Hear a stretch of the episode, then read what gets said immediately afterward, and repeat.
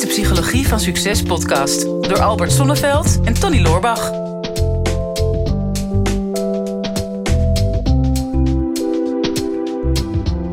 Tony, er zijn heel veel dingen waarin wij op elkaar lijken, maar er zijn ook al dingen die, die echt wel anders zijn. eh. Ja, klopt. Kleur, de kleur van de polo. Ja. Onder andere. En, ehm, ja, en, en, en ook wel eh, relaties. Nou heeft het natuurlijk ook wel een beetje met leeftijd te maken. Maar ja, ik heb eh, toch al drie langdurige relaties achter de rug. Ik, ik ben nog niet zo heel lang alleen geweest. Hè. Nee. Ik ben, eh, ben nu twee jaar ehm, eh, alleen, min of meer. Ehm, maar ehm, ja, Ja, jij gaat er wel. steeds beter uitzien. Ja. Ik kan er steeds beter uitzien. en volgens mij ga jij wel. Hoe ga jij op alleen zijn? Kun jij een beetje gelukkig zijn met jezelf? Of ben je nog steeds heel actief aan het daten? En, Oh, ik ben, ik ben altijd aan, wel aan het daten. Maar ehm, ik, ik was altijd echt een extreme Einzelganger. En ehm, de laatste jaren ben ik dat eigenlijk minder. Dus, dus of mijn karakter verandert... of ik eh, ben gestopt een eh, leugen te leven. Een van de twee, weet ik niet precies. ja. Maar ik heb het altijd wel heel belangrijk gevonden om, om alleen heel gelukkig te zijn. Hmm. Ja, dat, dat is wel. Tuurlijk is dat ook een beetje als je ondernemer wordt, dan, dan staat dat voorop. Of dat was bij mij altijd. Dus, dus vanaf 2010 ja, echt wel een beetje getrouwd met de business en daar al mijn ziel en zaligheid in gestoken. En dat, dat was gewoon mijn missie. Heb ik altijd aan gebouwd. En daar best wel wat voor opgeofferd. Dat, dat maakt het leven ook wat alleen, meer alleen, denk ik. Ik denk dat veel ondernemers dat wel herkennen. Ook wel veel niet-ondernemers trouwens die met carrière bezig zijn. Maar, maar daarnaast vond ik het ook altijd gewoon wel heel fijn. Ik, ik ben echt heel graag alleen. In, en, en ik laat ook op van die rust en die stilte. ja, mooi. pas sinds heel kort dat ik ook ga opladen van, eh, van groepen mensen. Van andere mensen. Ja, ik heb er een beetje schrik van. Ik ben er nog niet helemaal over uit wat ik hiervan vind.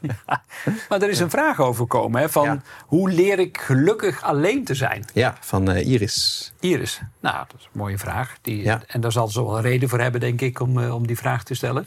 Ja, hoe leer je gelukkig alleen zijn? Of, of alleen gelukkig? Maar ehm, wij hebben in een eerdere podcast inderdaad ook wel eens gehad over eh, vinden van de juiste partner. Dat het begint bij dat je gelukkig moet zijn met jezelf. Eh, Voordat je iemand anders gelukkig kan maken, moet je jezelf gelukkig kunnen maken. Ja.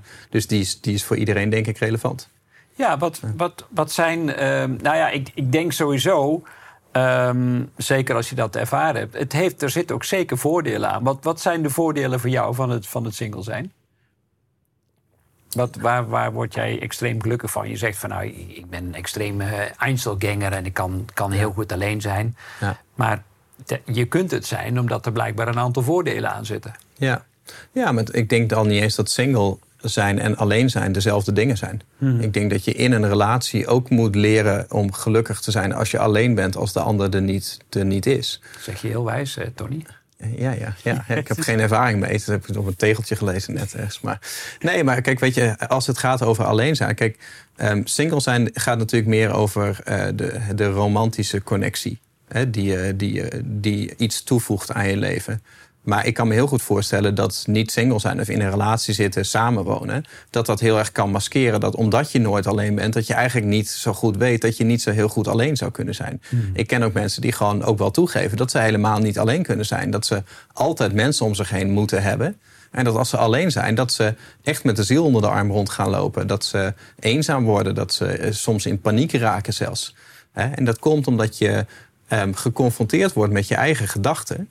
Ehm, en dat je de ruimte krijgt om wat dieper te denken. En soms als je wat dieper gaat denken, dan kom je op, op aspecten in je leven die een beetje spannend zijn om over na te denken. Waar je misschien wel beslissingen moet nemen die een beetje spannend zijn. En hou je jezelf op de oppervlakte door altijd eh, met andere mensen omgeven te zijn, dan, dan laat je die ruimte niet toe. Dus, dus ik denk dat, dat die vraag daar ook meer over gaat. Of nou in een relatie is of niet. Je zult moeten leren om, als je alleen bent, om, eh, om rustig te zijn in de rust. Ja. Ehm, en juist dat als oplaadmoment te gebruiken. Hè? Of als moment om, om tot jezelf te komen. Om weer naar je eigen gedachten te luisteren. Om op je eigen leven te reflecteren. Zonder invloeden van buitenaf. Ja, ik denk zeker op het spirituele pad. En ik, ik denk de afgelopen 30 jaar dat ik veel onderzocht heb op het gebied van spiritualiteit ook. En ja, ik zie dat alle grote denkers en alle grote spirituele leiders hebben gewoon fases in hun leven gehad dat ze echt alleen waren. En ze zeggen, ja, de, de echte diepgang in jezelf, ja, natuurlijk is het fijn als je een relatie hebt. Ehm, en het is ook mooi als je dat uiteindelijk in een relatie kunt combineren. Maar de eerste fase is dat je de echte diepte in jezelf kunt vinden in de stilte die ook in jezelf aanwezig is. Of niet. Ja. want ja, ooit zei een, leraar tegen mij van ja, ontspanning is spanningsbewustwording. Hm. dus op het moment dat je gaat ontspannen, dan kom je er pas achter hoe gespannen dat je bent. Hm. En als je echt letterlijk en figuurlijk wordt teruggeworpen op jezelf, ja, wat blijft er dan over? Wie ben je zonder die ander? Ja. Uh, en, en kun je die relatie met jezelf opbouwen? Dat, dat, dat is een van de grote voordelen van alleen zijn. Is dat, mhm. je, dat je misschien zelfs tegen wil en dank wordt gedwongen om veel dieper in jezelf te gaan. Ja. Het andere is ook wel, wat je natuurlijk al heel snel hebt in een relatie, en wat ook heel begrijpelijk is, is dat je snel de neiging hebt om ja, verantwoordelijkheden uh, of bij de ander te leggen of bij jezelf. Hè, want en als je alleen bent, hoef je dus geen verantwoordelijkheid af te leggen aan de ander. En dat mhm. voelt ook wel heel lekker. Dat is ook wel ultiem vrij. Hè? Dat je, Sommigen kunnen niet met die keuzevrijheid omgaan, maar je hebt wel heel veel keuzemogelijkheden op het moment uh, dat je dus alleen bent. Ja, want hoe is dat voor jou? Want jij uh, hebt uh, nog niet heel lang geleden was jij vader van een samengesteld gezin met zes dochters. Dus je hebt een hele periode gehad dat je in huis omgeven was met, met zeven vrouwen. Ja, zeg. Dat was een bedrijf op zich. Ja, en, en nu, nu woon je alleen. Hmm. Eh, in een, volgens mij een, een bungalow waar, eh, waar niks aan kapot kan gaan. Volgens mij heb je niet eens een televisie. Nee, je hebt geen televisie, toch? Nee, nee ik heb geen televisie. Je, je, zit ook niet op social media. Nee. Dus, dus in principe zit, je alleen in een, in een redelijk kale omgeving. Zonder de invloeden van buitenaf waar de meeste mensen de hele dag naar zitten te staren. Klinkt als een isoleercel. Ja, en, maar dat is wel een heel groot contrast met wat je daarvoor had. Enorm contrast. En ik moet je zeggen, uh, dit stuk doet me enorm goed. Uh, dus, dus, dus juist ook, hè, gelukkig heb ik nog een heel goed contact met de dochters. En ja, goed, die zijn allemaal het huis uit. Dus mm een van de dochters die, eh, die werkt ook voor ons, hè, Emma. Dus dat is, dat is mhm. fantastisch. En daardoor hebben we dagelijks zo contact. Maar juist, juist niet meer afgeleid te worden door de prikkels. Niet meer de sociale druk te voelen van al die feestjes en al die partijen. En al die verjaardagen en, en alles wat erbij kwam.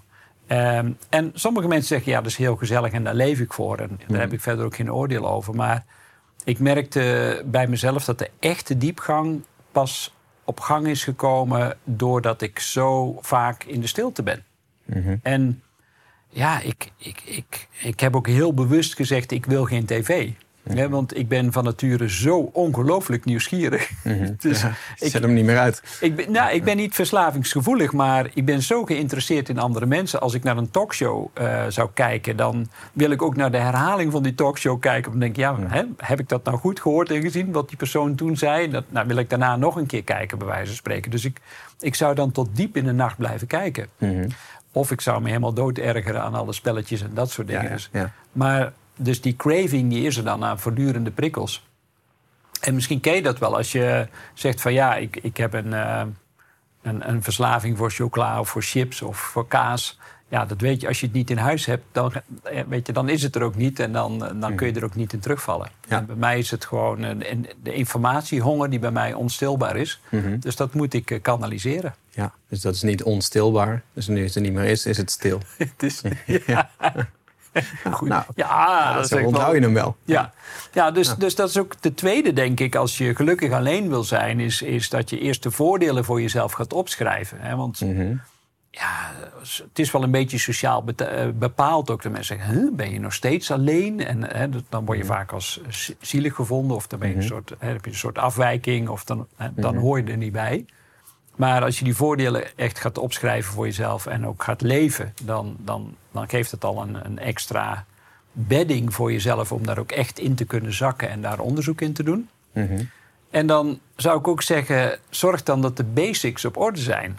De basics is echt dat je een fijne plek hebt voor jezelf... waar je letterlijk en figuurlijk helemaal thuis kunt voelen. Mhm. Jouw favoriete stoel, jouw favoriete bank. Ehm, ja, ik ga heel goed op, op juist minimalisme.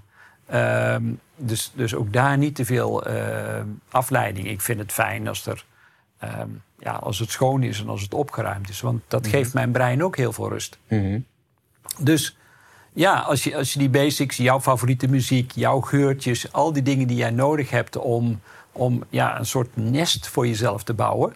Mhm. Ja, dat, dat helpt wel om ook goed met jezelf alleen te kunnen zijn. Ja. Ja, dat, dat, dat denk ik zeker. Weet je. En het is denk ik op het moment dat je aan jezelf ervaart van nou, ik, ik kan niet goed alleen zijn. Of ik wil niet alleen zijn. Van ja, wat, wat, wat, wat gaat er dan precies fout? Hè? Dus waar ben je bang voor? Kijk, ehm, ik snap heel goed ehm, dat als jij uh, vrijgezel bent en je bent veel alleen, dat je denkt van nou, ik kan prima alleen zijn. Ik ben ook niet ongelukkig alleen. Ik vermaak me goed. Ik vind die tijd ook wel fijn. Maar ik mis wel iets. Hè, eh, wat tot uiting komt uh, bij de feestdagen. En als ik op vakantie wil gaan. Ja. En als ik uh, s'avonds lekker op de bank zit. Of ik kom na een uh, dag hard werken. Kom ik alleen thuis. Weet je, dat is, dat is heel menselijk. En dan is het ook niet zo dat jij een probleem hebt. Denk ik. Spreek even namens iemand hoor. Nee, dat je nee. niet alleen kan zijn. Nee, nee want dat- ja, ik kwam bij jou binnen gisteravond en struikte ik over iets opblaasbaars. Maar dat had er niks mee te maken. Waarschijnlijk toch? Of? Zouden we het niet over hebben? Nee, maar weet je, kijk, als je, als je dat, dat mist, dat is iets wat, je, wat jij toevoegt, wat een toevoeging is op jouw leven. Ja. Dat, dat is een hele menselijke factor. En het is heel goed om daar bewust over te zijn en eerlijk. En ook wel van, oké, eh, kan het zijn dat ik dat misschien blokkeer, omdat ik juist zo goed alleen kan zijn. Dat, dat, daar zit het ook. Hè? Soms dat je het idee hebt van, ik, ik heb het idee dat ik eh, niet goed alleen kan zijn, want ik ben ongelukkig. Maar eigenlijk is de oorzaak dat je te goed alleen kan zijn. En dat je dat zo hebt aangeleerd in je leven en dat het het, het zo'n standaard voor je is geworden en zo comfortabel voor je is geworden om alleen te zijn, dat je dat eigenlijk niet onbewust niet meer op durft te geven. En dat je daarom projecteert van ik kan niet alleen zijn, want ik ben de hele tijd ongelukkig als ik alleen ben. Dus da- daar, daar kan het zitten. Maar eh, erger wordt het, denk ik, als je gewoon überhaupt niet alleen kan zijn. Eh, of het nou een liefdesrelatie is of, of sociaal contact. Dat je gewoon merkt van ja, ik, ik word gewoon eh, depressief als ik, als ik alleen in een kamer moet zitten. En die mensen die zijn er. Die gewoon echt, als ze een uur alleen zitten ergens, gewoon ongelukkig worden. Ja. En, en dan is het gewoon meer de vraag van... waar ben jij precies bang voor? Wat ontstaat er in jouw hoofd op het moment dat er geen andere mensen om jou heen zijn... om mee te spiegelen of om jou af te leiden? Ja. En, en, en dat is wel een waardevolle vraag om boven tafel te gaan krijgen. Want dat is, dat is er eentje die je, die je op kan lossen. Ja, het, het, we zijn natuurlijk sociale dieren. Hè? Dus, eh, dus, dus je, je ziet dat vaak in periodes. Maar ik weet niet of je ooit die film van Tom Hanks hebt gezien, eh, Castaway.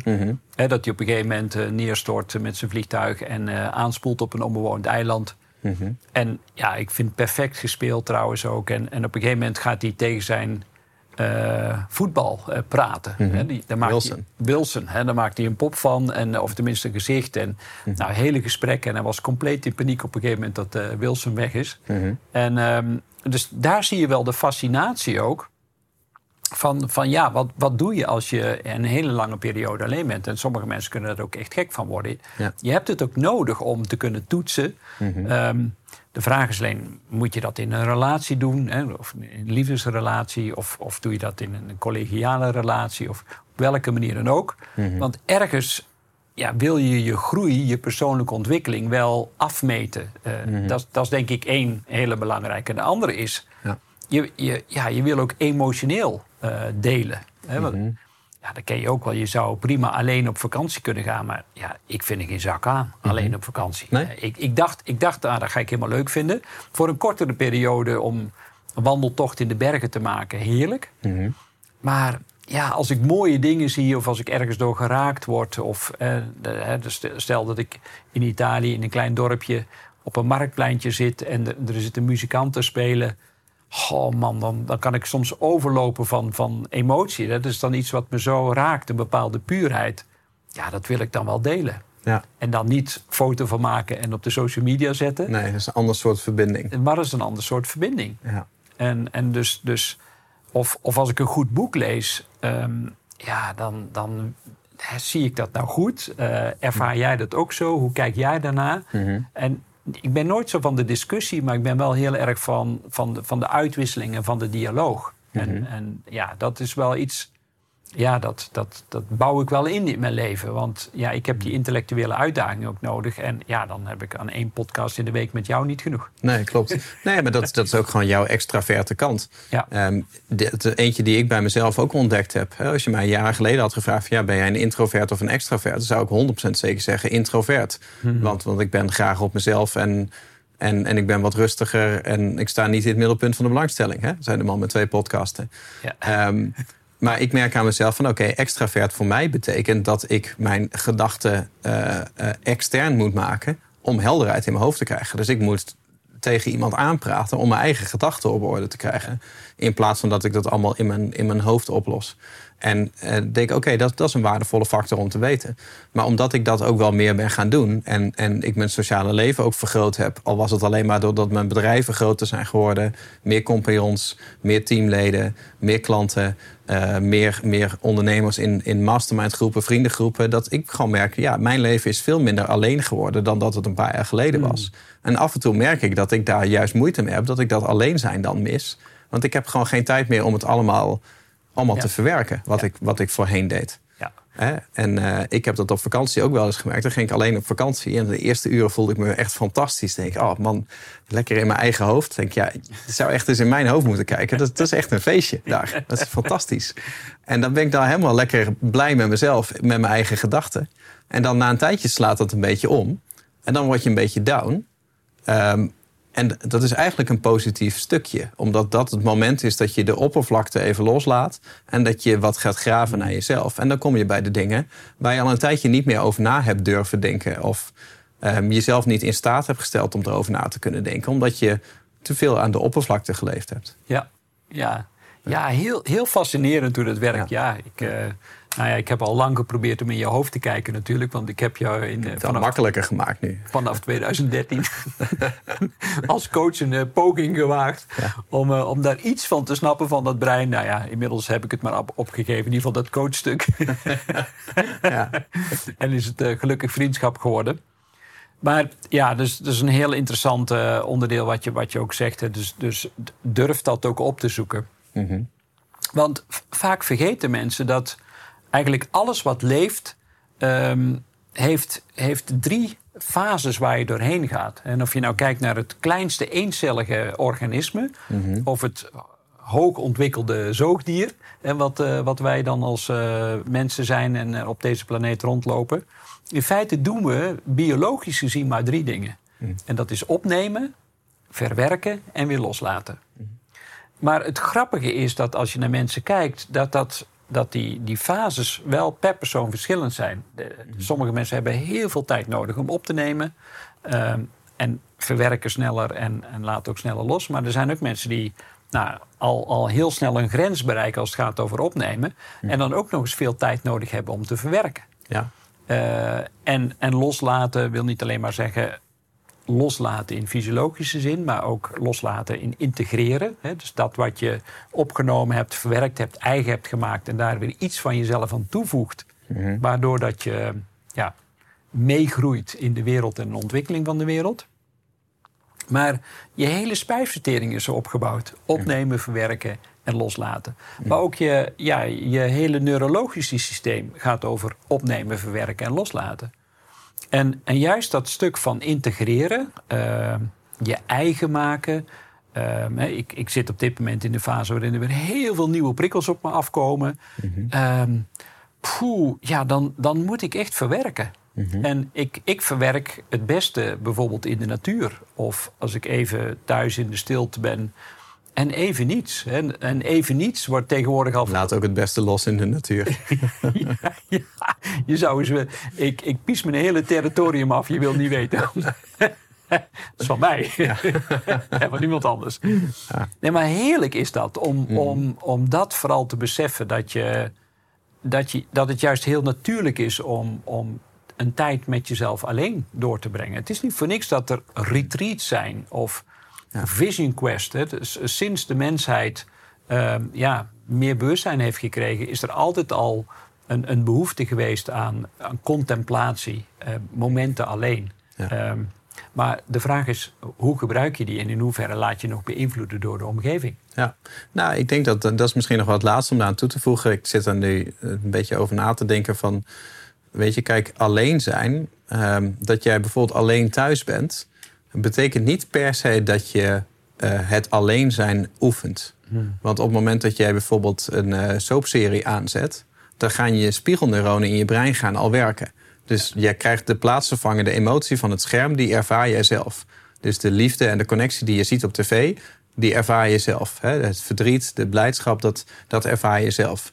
Um, heb je op social media, heb je dat ook. Heb je ook als je in groepen mensen bent. Dat betekent dat je jezelf constant spiegelt aan de ander. Hmm. En dat je uh, eigenlijk gezamenlijke emoties beleeft met andere mensen. Waardoor je, omdat jij twee mensen in je groep hebt zitten, bijvoorbeeld je hebt een hele leuke avond uh, dineren met, met z'n drieën. En omdat twee mensen een hele intense verbinding met elkaar hebben en constant om elkaar moeten lachen, heb jij ook het idee dat je die verbinding en die humor ook hebt.